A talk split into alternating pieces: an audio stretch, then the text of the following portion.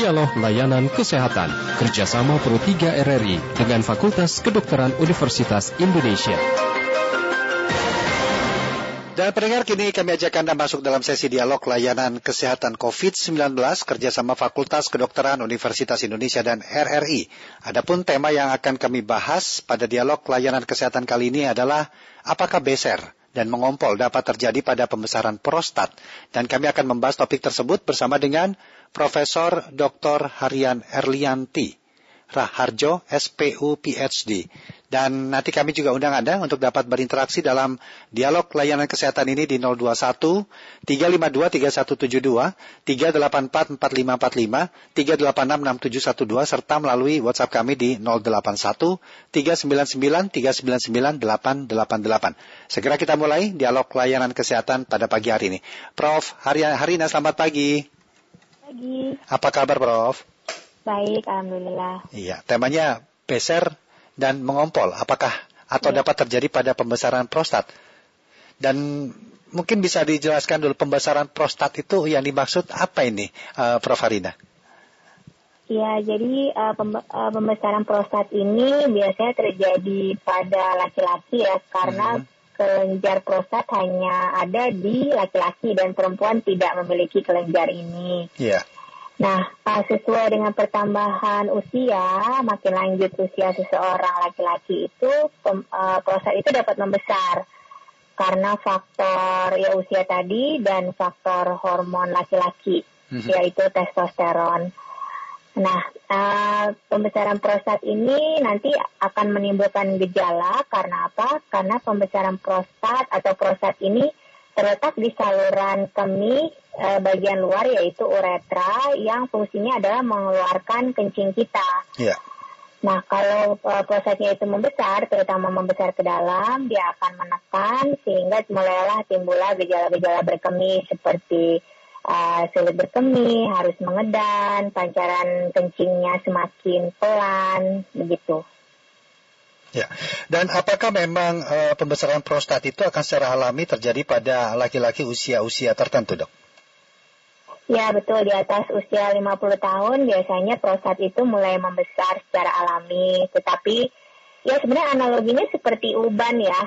Ada seseorang yang ubannya banyak gitu ya dari usia yang lebih muda. Ada yang sudah usia cukup lanjut tapi ubannya sedikit. Ini sama sama dengan prostat. Jadi ada prostat yang membesarnya pelan gitu pada seseorang, ada yang sekitar di umur 50 tahun sudah membesar dengan cepat sehingga sudah mulai menimbulkan gejala penyumbatan. Iya.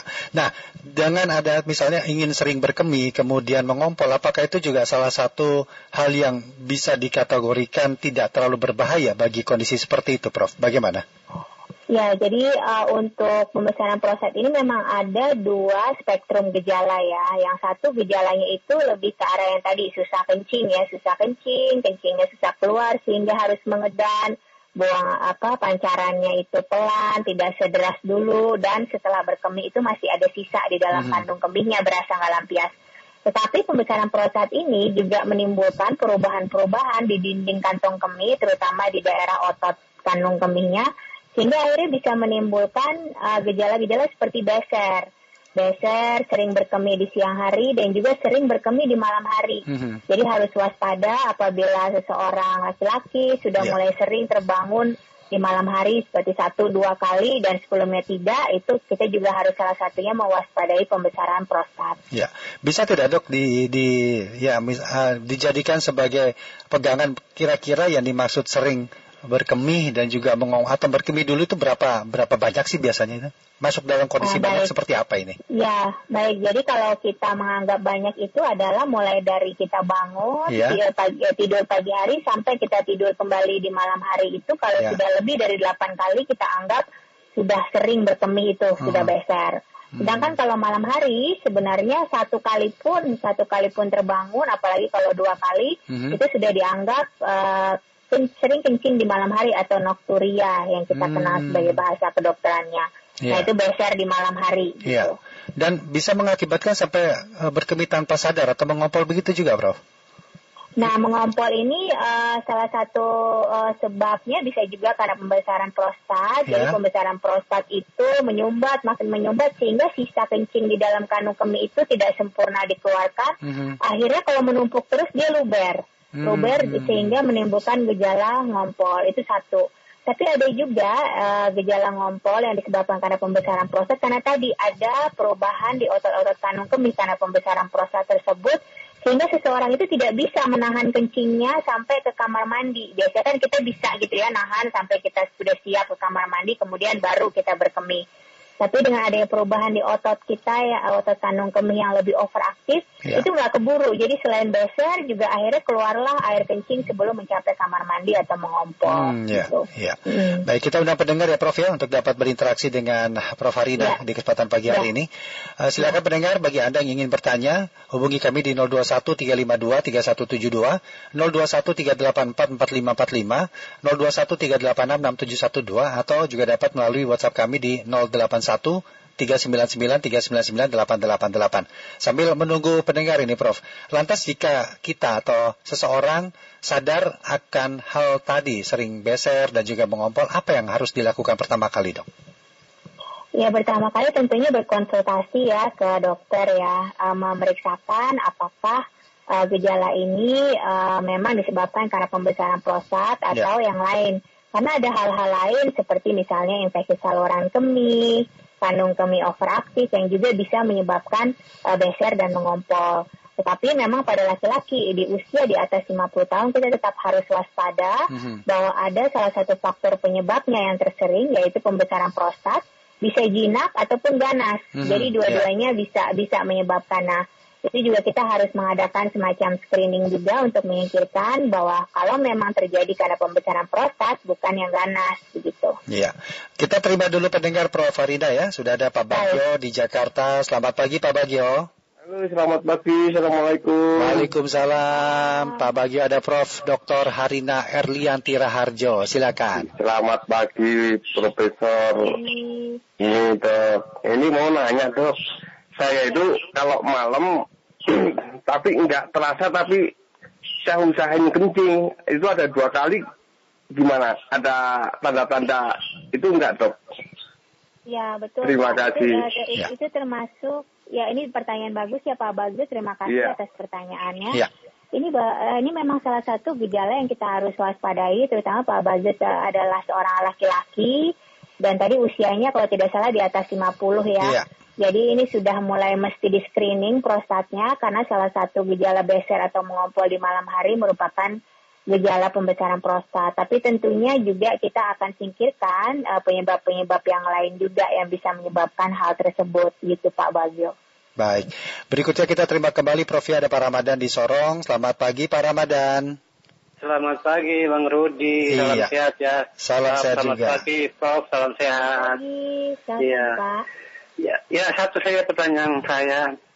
Hmm, tadi kan udah menyimak bahwa gejala-gejala yang uh, Prof katakan tadi ya. Terus pertanyaan saya satu ini adalah, misalnya salah satu gejala yakni jika ketika ejakulasi ya terasa nyeri kan. Nah, jadi selama ejakulasi itu uh, baik-baik saja aman, uh, berarti itu sehat ya dan dan aman gitu ya, nggak nggak apa-apa. Jadi ukurannya di ejakulasi atau bagaimana?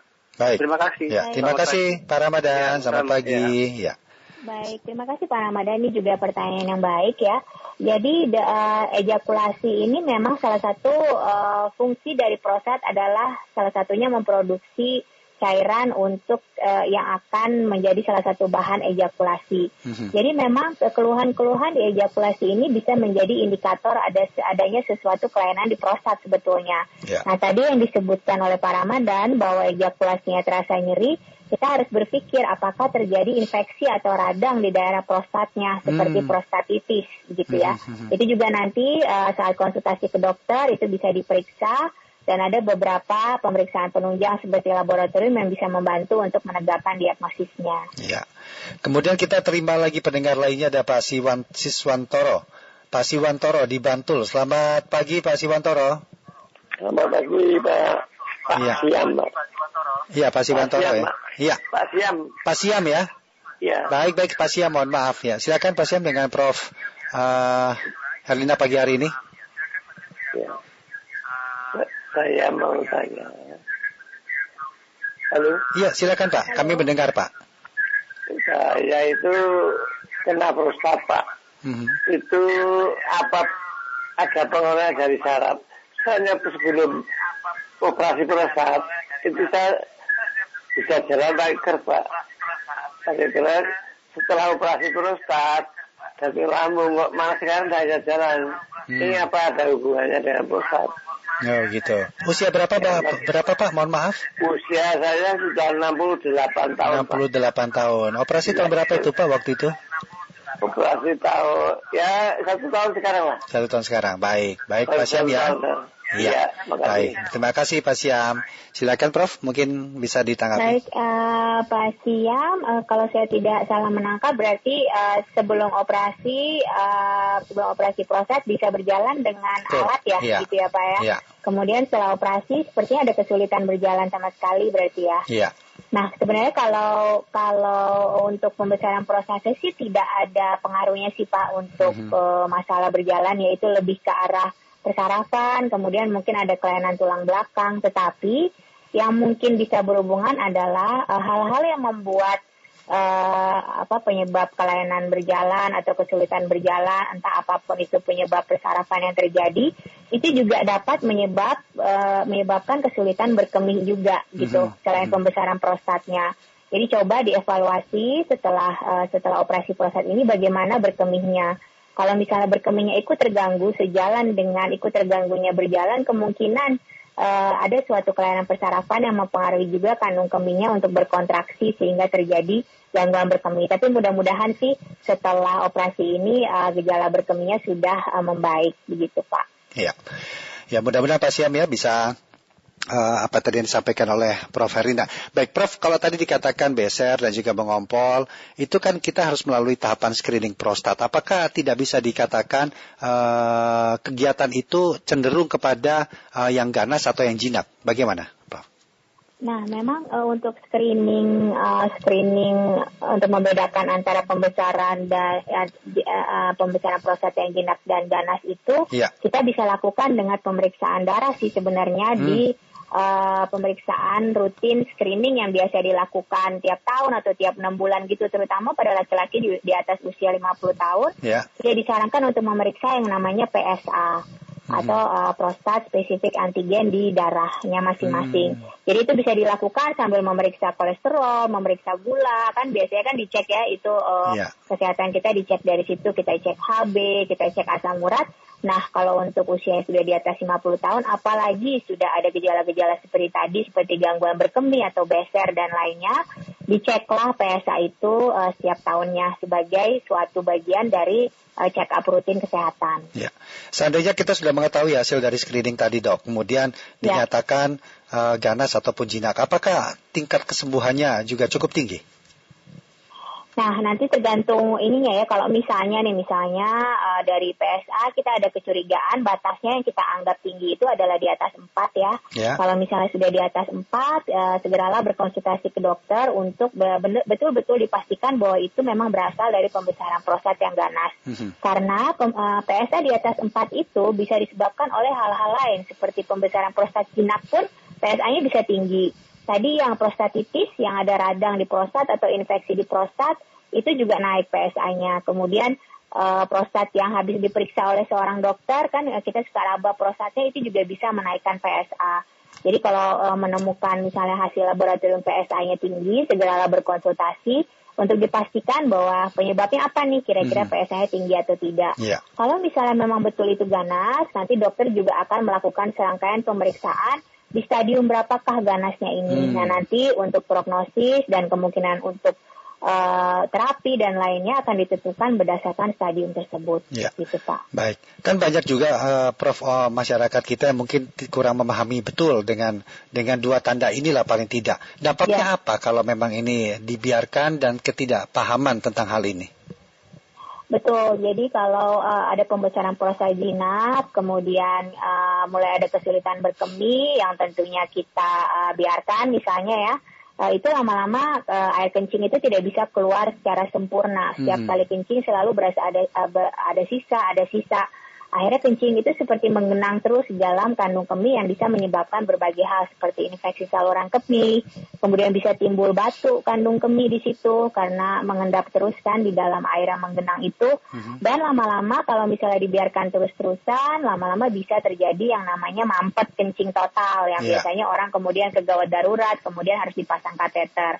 Sampai hmm. kalau itu pun misalnya tetap tidak tidak disadari, misalnya uh, sebenarnya sudah mampet tapi kemudian air kencingnya merembes seperti tadi airnya mengompol dikiranya kan masih bisa kencing ya. Yeah. Kemudian dibiarkan nah si ginjal yang me, yang tugasnya adalah menurunkan air kencing ke dalam kandung kemih akan bekerja lebih berat dari biasanya karena kandung kemihnya penuh terus nanti hmm. lama-lama fungsi ginjal pun bisa terganggu. Jadi itu sih konsekuensi apabila tidak ditata laksana secara cepat. Ya.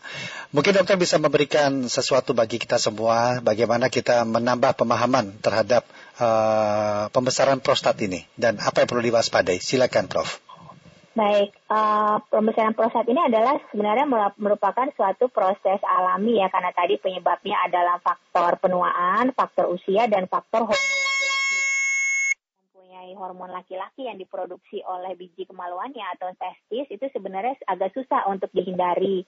Ya seperti uban tadi lah analoginya. Nah, yang kita bisa lakukan adalah uh, mencermati tanda-tanda uh, mulai uh, pembesaran prostat ini mulai menimbulkan gangguan. Jadi seperti tadi uh, apakah berkemihnya sudah mulai lebih sering di pagi dan siang hari, malam hari sudah mulai lebih sering terbangun untuk kencing, kok mulai ada gejala nggak susah untuk menahan kencing, uh, ada mengompol bahkan dan juga seperti susah uh, apa berkemih itu sulit harus mengedan dan tidak lampias. Itu segeralah berkonsultasi ke dokter. Dan pesan saya juga harus diingat bahwa pembesaran ini bukan hanya pembesaran yang jinak tapi juga bisa yang ganas. Sehingga dilakukanlah check up rutin seperti tadi simpel sekali memeriksakan PSA darah gitu tiap tahunnya khususnya untuk yang sudah di atas 50 tahun ke atas untuk laki-laki. Baik, terima kasih uh, Prof untuk waktunya berbincang bersama kami dalam dialog layanan kesehatan dan semoga apa yang disampaikan ini bermanfaat buat kita semua. Amin, terima kasih amin. Prof Hari Harina untuk Sama-sama. waktunya pagi hari ini. Salam sehat, salam tangguh. Terima kasih. Salam sehat. Ya. Demikian tadi kami telah berbincang bersama dengan Profesor Dr. Harina Erlianti Raharjo, SPUK, PhD. Kami membahas mengenai pembesaran prostat dan perlu diwaspadi apakah baser dan mengompol dapat terjadi pada pembesaran prostat. Anda dapat kembali mengikuti dialog layanan kesehatan COVID-19 Senin hingga Jumat, tentu dengan topik dan juga narasumber yang selalu berganti. Dialog Layanan Kesehatan kerjasama Pro 3 RRI dengan Fakultas Kedokteran Universitas Indonesia. Acara ini bisa Anda dengarkan setiap Senin sampai dengan Jumat pukul 9.30 waktu Indonesia Barat.